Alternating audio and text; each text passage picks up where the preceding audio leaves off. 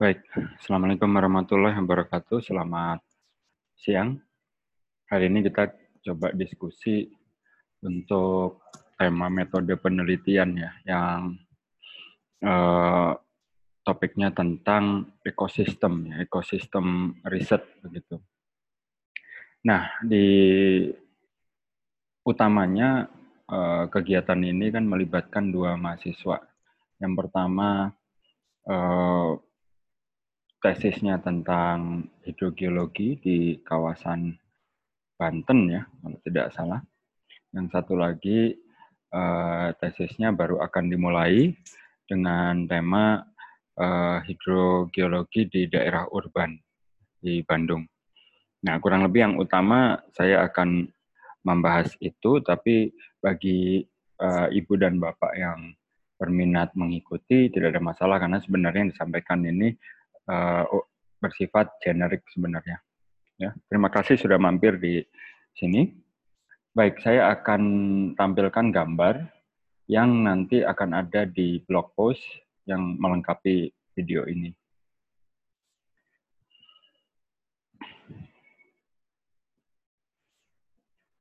Baik, gambar ini adalah gambar yang uh, saya buat ya, atas uh, makalah pendek yang ditulis oleh Devin Burke dan Kyle Niemeyer. Ya, ini ada di sini namanya. Judulnya The Openness in Engineering Research. Ini ada DOI-nya.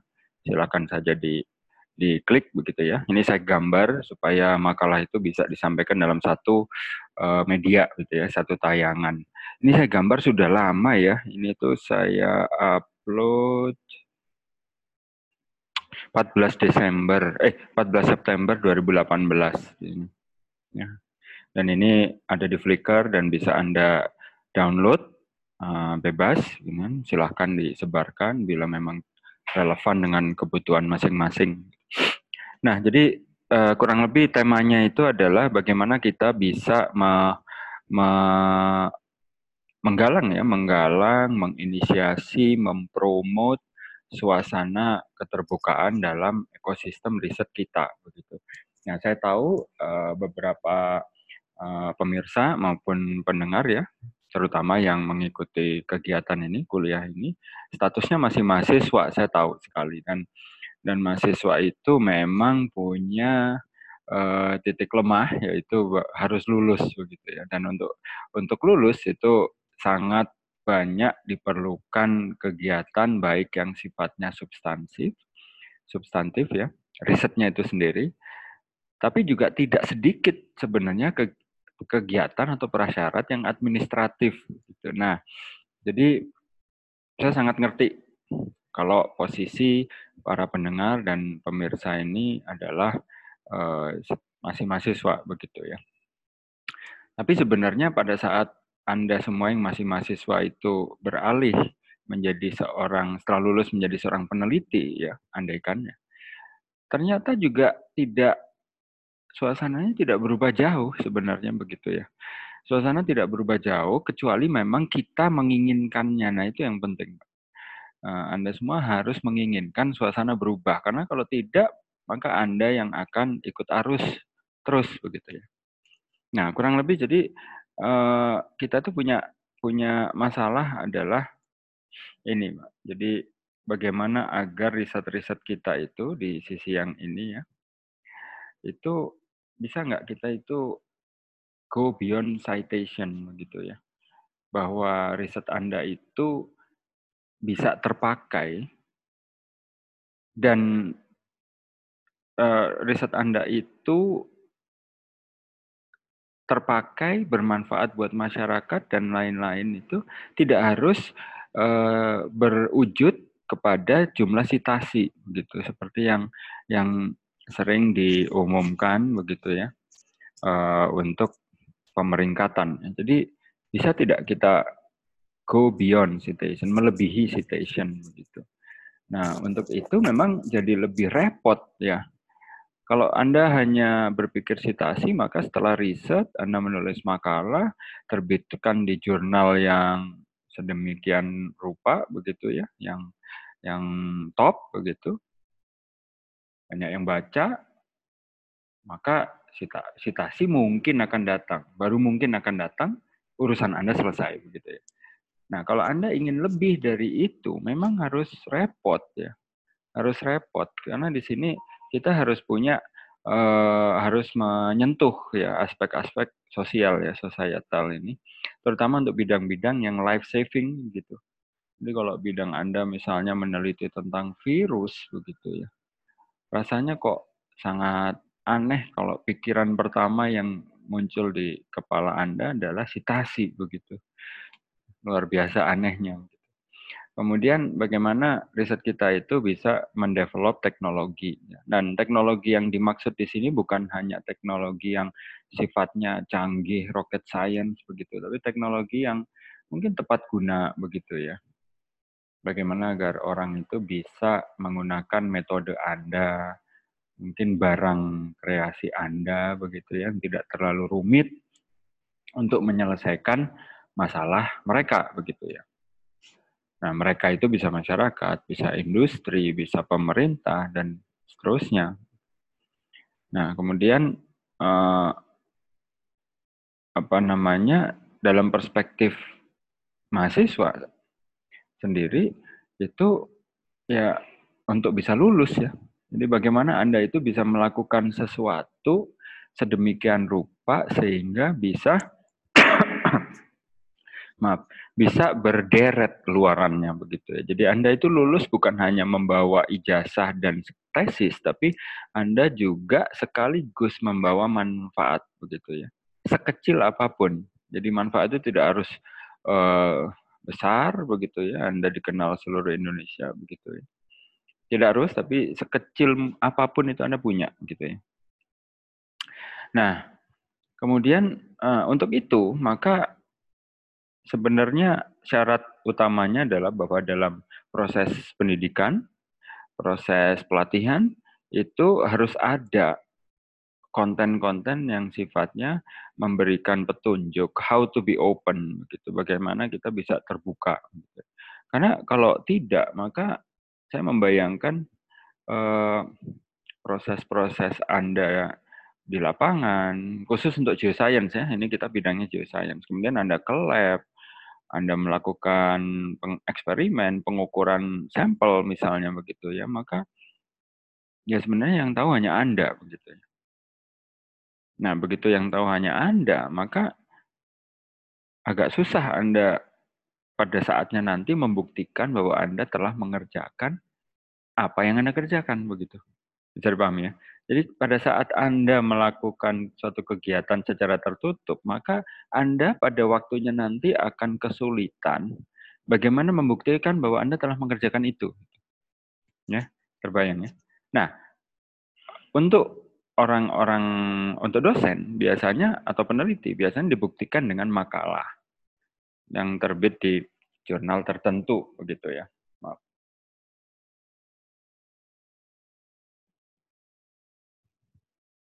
Nah, masalahnya makalah itu sendiri kan hanya akan terbit setelah melewati uh, proses peninjauan sejawat begitu. Kemudian ada layout, belum lagi pada sa sa seandainya pada kesempatan pertama ditolak begitu ya atau di reject, maka prosesnya akan sangat lama kan antara anda mengerjakan sesuatu, Anda buktikan Anda sudah mengerjakan itu, sampai suatu saat orang membaca, waktunya ini cukup lama.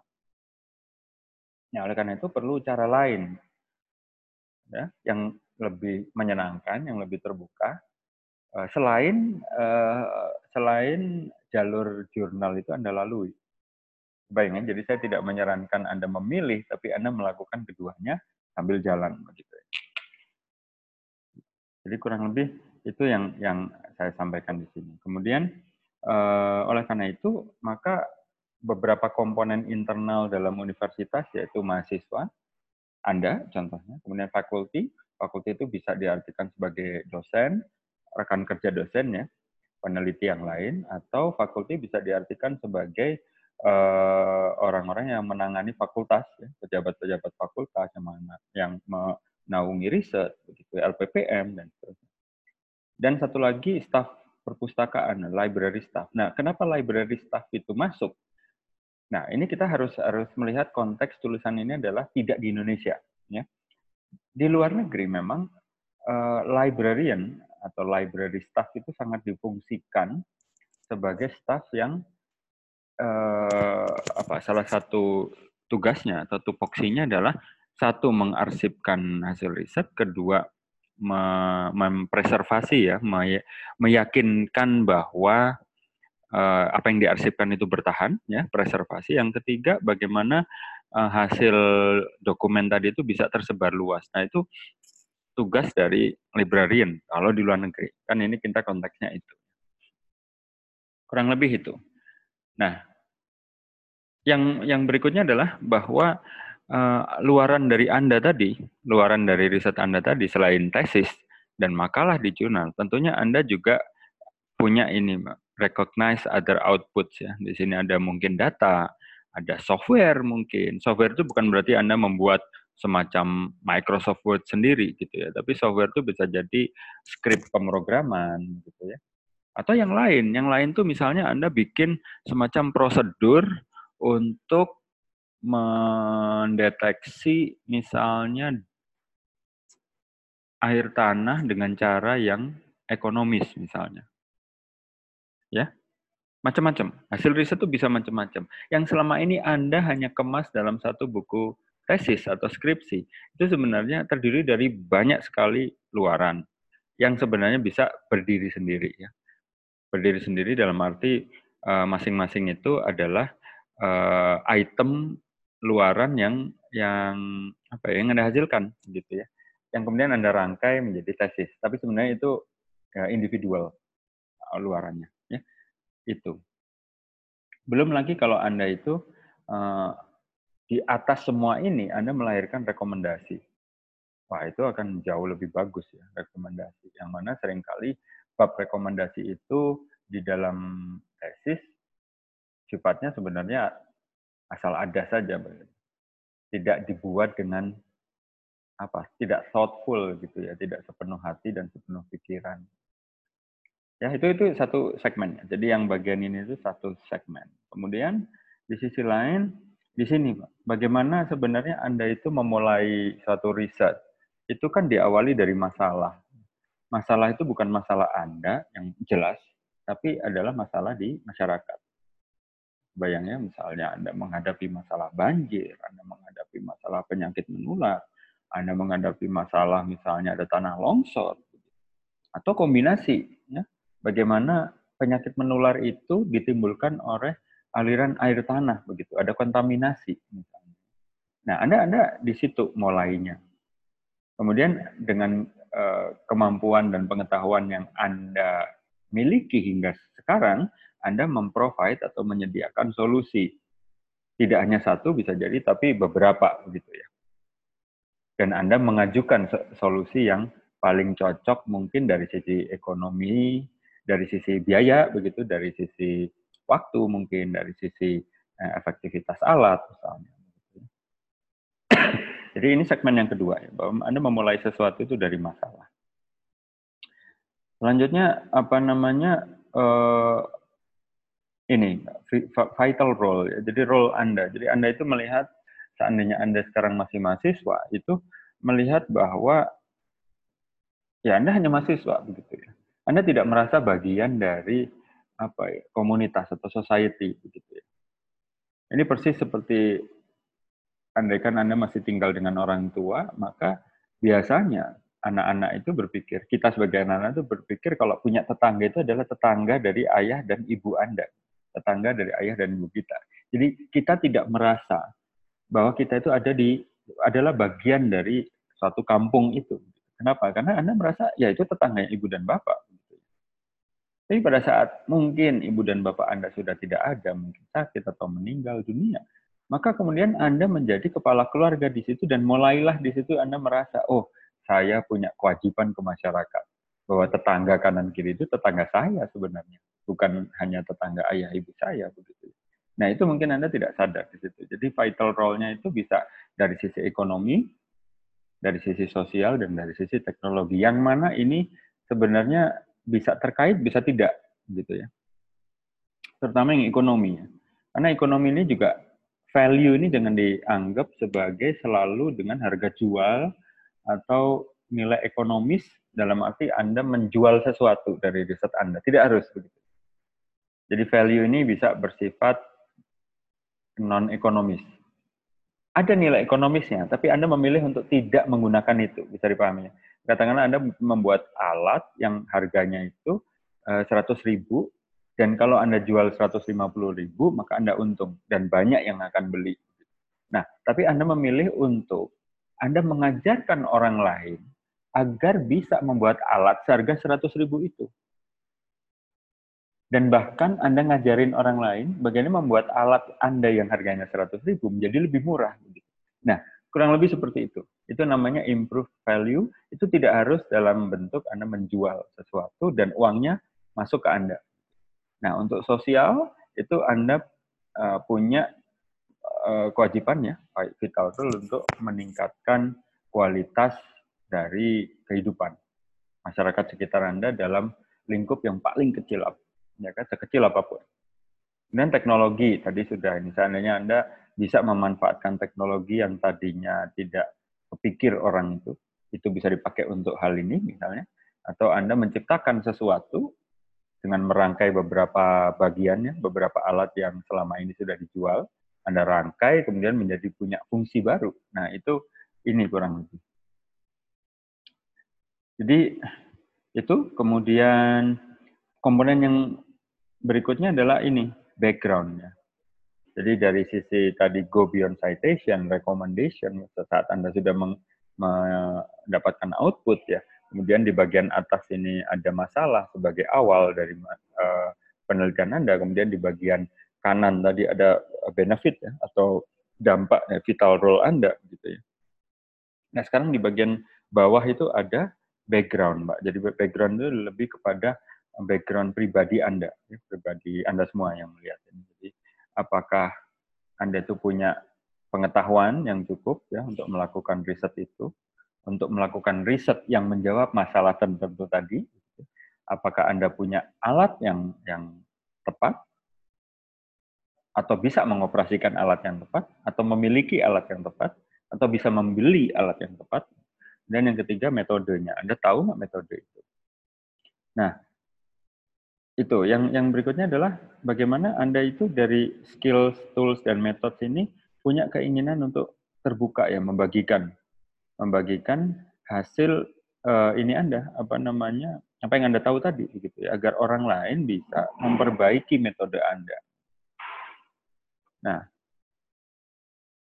Kenapa itu tidak terjadi? Kenapa keterbukaan itu tidak terjadi? Yang pertama memang di sini ada lack of motivation. Jadi dalam ekosistem riset itu Anda sebagai mahasiswa juga harus sadar bahwa motivasinya itu rendah. Gitu. Kenapa? Karena repot. Tadi di awal saya sudah bilang repot. Gitu. Repot dalam arti Anda harus kreatif, Anda harus bisa multiple output gitu ya. Kalau hanya diminta satu oke, okay, tapi Anda bisa lebih kreatif untuk menghasilkan output yang lain sambil jalan ya, tanpa harus terlalu merepotkan. Jadi memang repot, money effort, less incentive. Insentifnya nggak ada, jadi insentifnya tidak harus dapat uang ya, tapi ya oke, okay, yang pertama mungkin uang. Jadi Anda menghasilkan sesuatu, misalnya poster yang Anda bagikan ke puskesmas-puskesmas misalnya, terkait dengan deteksi diari secara dini misalnya begitu ya atau deteksi uh, apa namanya demam berdarah secara dini gitu. itu tidak di anggap sebagai kegiatan yang layak mendapatkan insentif dalam bentuk rupiah. Ya. Kecuali itu nanti sudah ditulis menjadi makalah. Nah, less insentif kenapa? Karena less acknowledgement. Jadi tidak ya tidak dianggap saja, tidak dianggap bahwa oh itu ah biasa aja. Dianggap sebagai luaran atau upaya yang biasa saja. Yang luar biasa adalah satu-satunya yang dilihat sekarang adalah menerbitkan makalah di jurnal tertentu. Nah, itu baru luar biasa. Nah, akibatnya kita punya tantangan ini di sini. Jadi bagaimana agar uh, Anda sebagai mahasiswa ya, atau yang melihat ini sudah menjadi dosen atau sudah menjadi peneliti pada berbagai ranking, ya, pada berbagai jabatan, maka gimana kita bisa meningkatkan ini tadi, Pak, acknowledgement tadi tentang karya-karya ini. Bukan hanya makalah, bukan hanya citasi, tapi yang lain itu harus juga diakui. Gitu. Ya, jadi jangan misalnya ada seseorang misalnya meneliti, uh, anda misalnya ini ya ada ada uh, masalah virus belakangan ini, kemudian ada seseorang yang dengan kreativitasnya melakukan sesuatu, menganalisis A, B atau C-nya begitu, yang sederhana, bukan sesuatu yang harus lab oriented begitu ya. Tapi kemudian Anda dalam tanda kutip merendahkan begitu. Kok nggak ada kegiatan labnya menganalisis virus sepenting itu misalnya atau datanya kok sedikit sekali dan seterusnya. Jadi cenderung kita itu ingin merendahkan, menganggap itu tidak signifikan. Nah itu menurut saya sifat yang harus kita rubah begitu. Jadi bagaimanapun orang itu harus di encourage. Sudah bagus dia menerbitkan itu dengan cara yang cepat, ya. misalnya dia membuat satu tulisan atau membuat blog post begitu. Sudah bagus dia melakukan itu.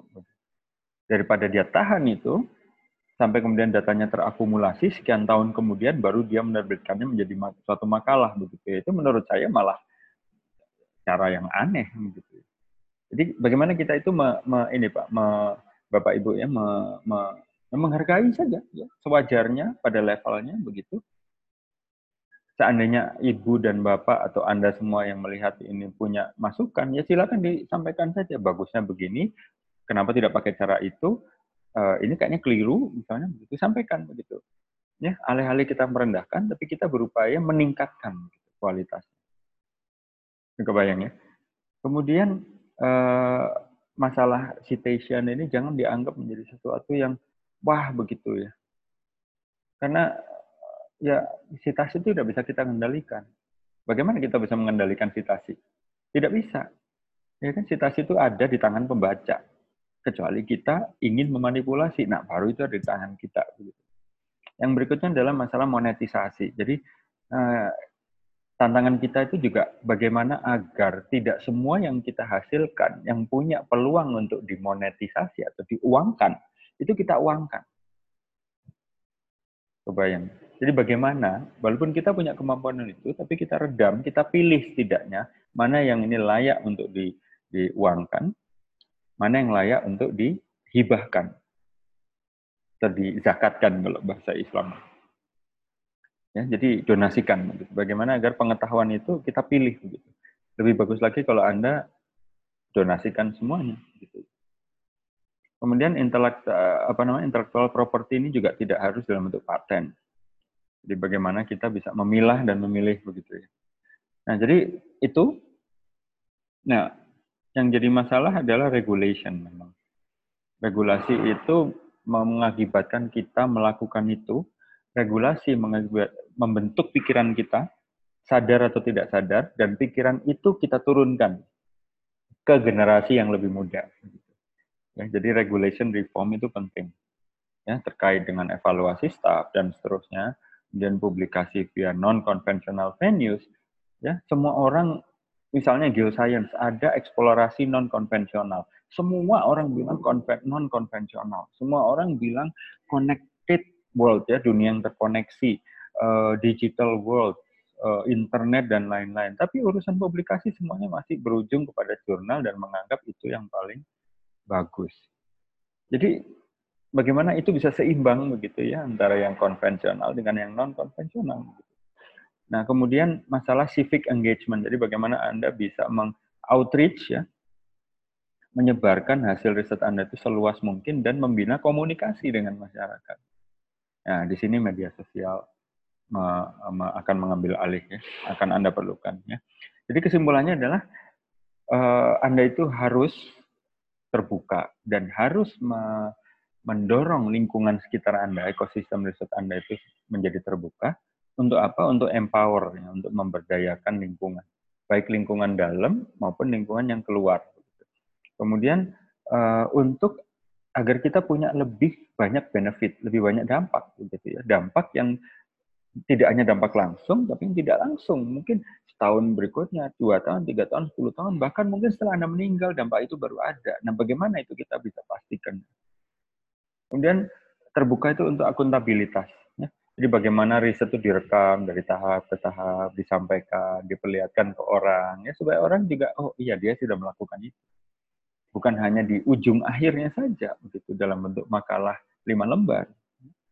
Kemudian uh, ini untuk mendukung university atau perguruan tinggi pada berbagai level, ya, bisa universitas, bisa institut, bisa sekolah tinggi, bisa akademi ya, sebagai center of knowledge creation ya, knowledge creation pengetahuan pengetahuan, bukan apa ya pendek kata bukan penghasil publikasi.